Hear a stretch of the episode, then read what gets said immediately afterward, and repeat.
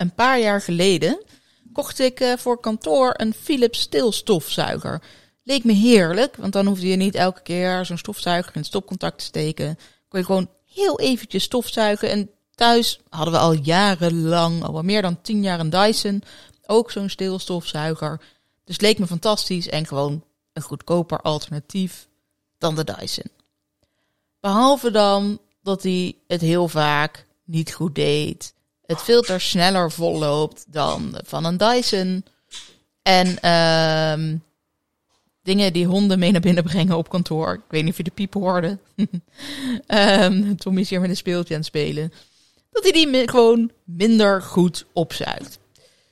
Dus ik sta inmiddels een beetje op het punt om alsnog een Dyson te kopen. Nou, en wat zag ik toevallig voorbij komen? Een aanbieding van de Mediamarkt. De Red Deals. En daar zag ik als plaatje een Dyson op staan. Dus ik doorklikken om die Dyson te kopen. En dat is waar deze podcast over gaat.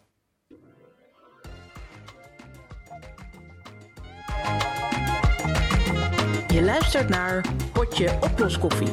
De podcast van Charlotte Meijersma. Met tips, ondernemersverhalen en juridische oplossingen. Veel luisterplezier. Je denkt dan, nou, top jongens, Dyson, korting, aanschaffen, niks meer aan doen. Want laten we wel wezen, als het gewoon goedkoopst is bij de mediamarkt, maakt het mij ook eigenlijk niet zo uit welke versie het exact is, welke mondstukjes er nou precies bij zitten. Het zal me allemaal worst wezen.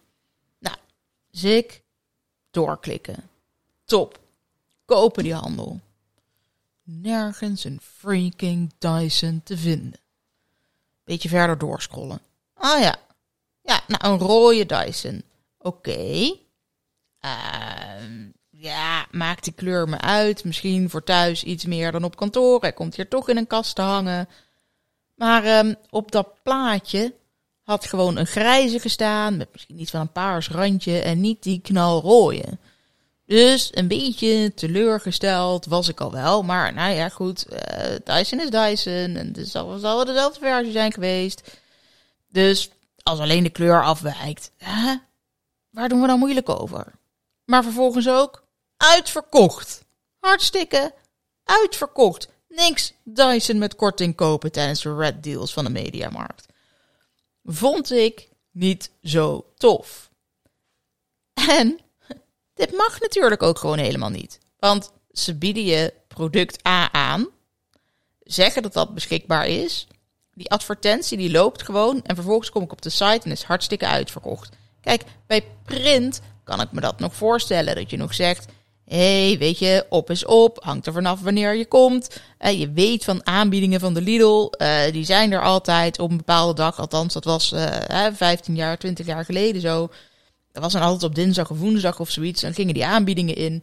En je wist, als je nou, bepaalde dingen wilde bemachtigen, zoals de dvd-speler of de computer of weet ik veel wat, dan moest je gewoon op die dag zelf komen. Anders was het inderdaad hartstikke uitverkocht. Of als het ging om andere producten, dan hadden ze misschien bijvoorbeeld eh, je maat niet meer of niet meer de kleur die je wilde. Of, eh, maar Lidl kondigt dat aan in print. Ja, eh, het is nou eenmaal gedrukt. Uh, en tegen de tijd dat alles is uitverkocht, ja, blijft die print wel bestaan. Die kun je niet opeens weer terug gaan halen bij mensen of iets dergelijks.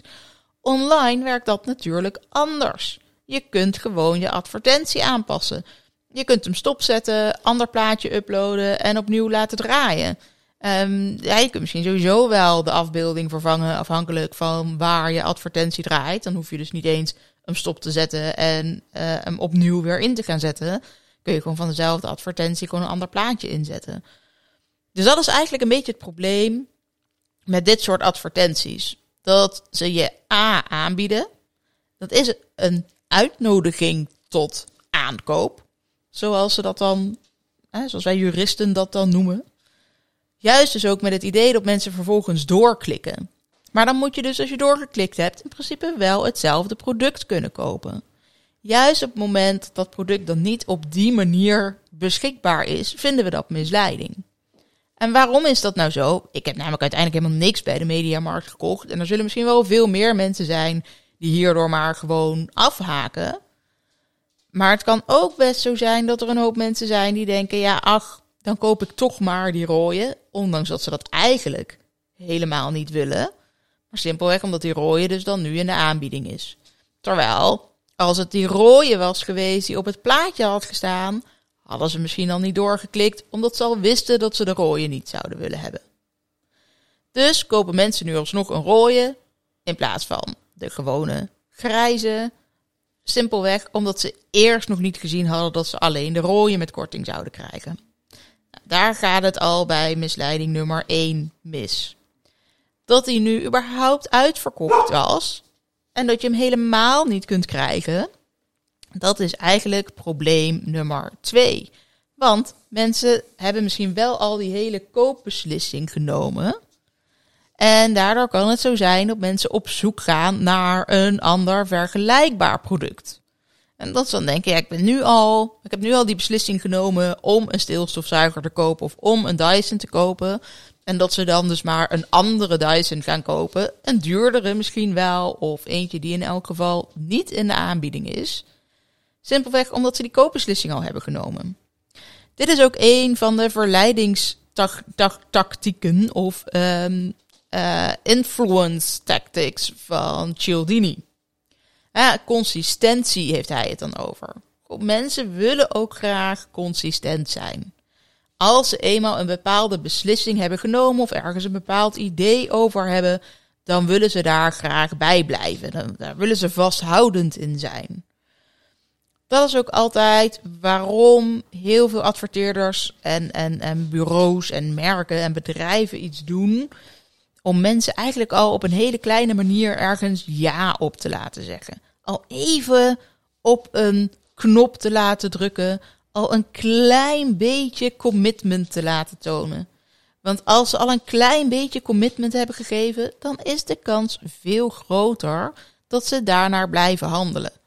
Dus heb je eenmaal die ja, dan is de kans veel groter dat de ja's blijven komen.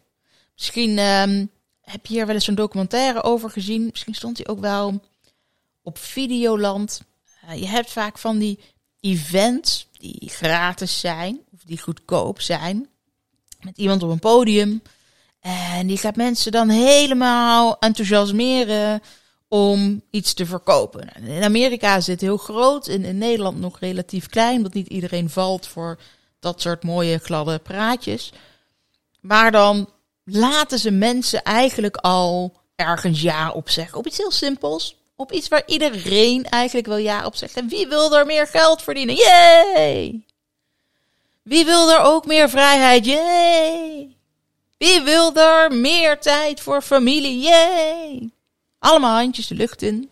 Allemaal ja. Wie wil mijn cursus kopen? Yay! Oh, wacht. Nee. Oh, nee. Ja. Maar ja, je zat al zo erg in die flow van ja, dat je op dat laatste gewoon sneller ook ja zegt. Dus het is een tactiek om mensen alvast ergens ja op te laten zeggen, zodat de kans op een daadwerkelijke verkoop groter wordt. En ik erger me hier dood aan als dat ook gebeurt bij zoiets simpels als een stilstofzuiger.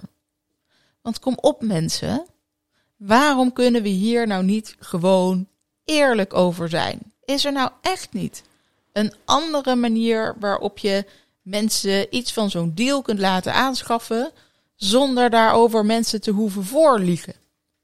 Want dat is in feite wat er nu natuurlijk wel gebeurde. In eerste instantie over de kleur, in tweede instantie over de beschikbaarheid. dit is wat we heel veel in marketing terugzien. En het wordt heel vaak verkocht kocht als iets onschuldigs. Want ja, mensen beslissen toch uiteindelijk of ze het willen kopen of niet. Ja, nee, ja, tuurlijk beslissen mensen uiteindelijk of ze iets willen kopen of niet. Maar dan ga je opeens ervan uit dat mensen daarin een hele bewuste beslissing nemen. Terwijl die tactieken toch juist inspeelden op het onbewuste van mensen. Dus dat ze juist kleine dingetjes doen en dat ze eigenlijk niet goed weten dat ze verleid worden. Of dat ze niet doorhebben dat als ze hier bewust ja op zeggen, dat dat ervoor zorgt dat ze zelf in zo'n flow komen van maar ja blijven zeggen. Waardoor dus een eventuele volgende bewuste beslissing onbewust toch al beïnvloed is geraakt. En dat is waarom dit soort tactieken niet mogen. Mensen nemen veel minder bewust beslissingen dan we zouden willen. Dus je kunt wel zeggen, ja maar kijk, iemand komt dan toch bij de mediamarkt, ziet dan toch dat hij rood is, klikt dan toch op de koopknop. Of hij ziet toch dat het niet meer beschikbaar is. Dan kan hij toch gewoon besluiten om het niet te kopen. Dan hoeft hij toch niet nog op zoek naar een andere Dyson om die dan maar aan te schaffen. En op zich is dat waar. Maar je hebt mensen dus al in dat hele idee gebracht van ik ga die Dyson kopen. Ze hebben die koopbeslissing eigenlijk al genomen. Ze gaan alleen nog op zoek naar het bijpassende product. Nou ja, de een zal daar misschien wat sneller in tevreden zijn dan een ander. Dat is nou eenmaal hoe dat werkt. Maar feit blijft wel dat omdat we dat, dat hele onbewuste al getriggerd hebben, dat dat, er, dat dat dus ook invloed heeft op de latere, min of meer bewuste acties. Dus je kunt ook niet zeggen, hé, hey, maar onze tactieken om mensen onbewust aan te spreken en onbewust iets te laten doen. Dat, dat mag, want als mensen bewust een beslissing nemen, dan valt het allemaal wel mee. Dat, dat, ik, ik snap niet dat mensen dat van zichzelf prima vinden. Want je zegt toch juist dat je het onbewuste wil triggeren? Dan kun je toch niet zeggen, ja maar mensen nemen wel bewust een beslissing. Nee, daar ging het toch nou juist om. Dat je dat dat wilde beïnvloeden. Dat je die bewuste beslissing wilde beïnvloeden met iets wat mensen onbewust doen. Daar ging het toch nou juist om. Dus waarom zou je dan proberen om het onbewuste te beïnvloeden, als dat uiteindelijk nooit effect zou hebben, omdat mensen toch wel bewust een beslissing nemen? Nee, precies. Maar omdat het onbewuste dus zoveel invloed heeft en zoveel meespeelt, wil je dat dus beïnvloeden. Je wil het onbewuste beïnvloeden om effect te hebben op de bewuste keuze. Zo simpel werkt dat nou eenmaal. En dat is waarom er regels zijn over marketing en reclame en waarom misleiding niet mag.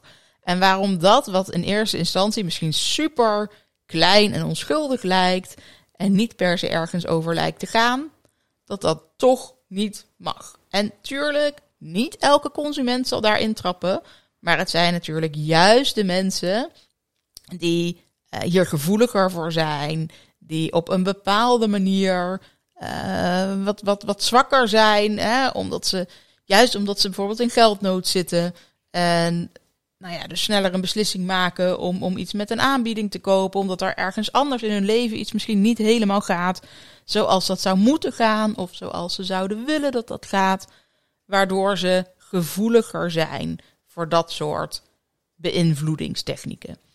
En marketing is nou eenmaal beïnvloeding. En daar is ook niks mis mee. Hè? De kleur van de knop, daarmee beïnvloed je mensen al. Um, welk lettertype je kiest, daarmee beïnvloed je mensen al. De, de naam van een product, daarmee beïnvloed je mensen al. Dus met beïnvloeden op zich is heus niet per se iets mis. En je mag mensen ook best wel verleiden om iets te doen of om iets te kopen. Maar het mag alleen geen misleiding worden. Je mag ze niet zodanig gaan beïnvloeden dat ze iets gaan doen wat ze niet gedaan zouden hebben als jij ze niet op deze manier getriggerd zou hebben. Dat is waar je rekening mee moet houden. Um, ik ben benieuwd of jij ook misschien wat dit soort voorbeelden kent. Of dat er wel eens situaties zijn geweest waarvan jij denkt: ik weet eigenlijk niet of dit nou wel door de beugel kan. Ik denk namelijk dat we zo gewend zijn geraakt aan allerlei beïnvloedingstactieken, dat we ze maar accepteren. En dat zeker als ondernemer we vooral bezig zijn met wat er kan En hoe we zoveel mogelijk klanten binnen kunnen halen. En dat we eigenlijk helemaal niet meer zo goed bezig zijn met is dit nog wel eerlijk naar onze klanten toe. Dus bij deze zou ik eigenlijk een oproep willen doen. Denk niet alleen maar aan jezelf, maar denk ook aan je klanten. Zorg ervoor dat je hen daadwerkelijk een oplossing biedt. En ja, daar mag marketing gewoon bij passen. Je mag mensen gewoon beïnvloeden. Je mag mensen ook verleiden. Maar zorg dat je niet, misschien zelf wel onbewust, die grens van het misleiden overgaat. Laat mensen in die zin in hun waarde. Zorg ervoor dat je geen trucjes toepast die eigenlijk niet zo heel erg eerlijk zijn. Deel vooral op social media wat jij van deze podcast aflevering vindt, want daar ben ik super benieuwd naar. Laat een review achter op Apple Podcast. Um, deel hem met andere mensen, zodat we dit gesprek over verleiding en misleiding binnen de ondernemers in elk geval op gang kunnen brengen, zodat we de wereld een beetje eerlijker kunnen maken. Hartelijk dank voor het luisteren en uh, tot de volgende potje oploskoffie.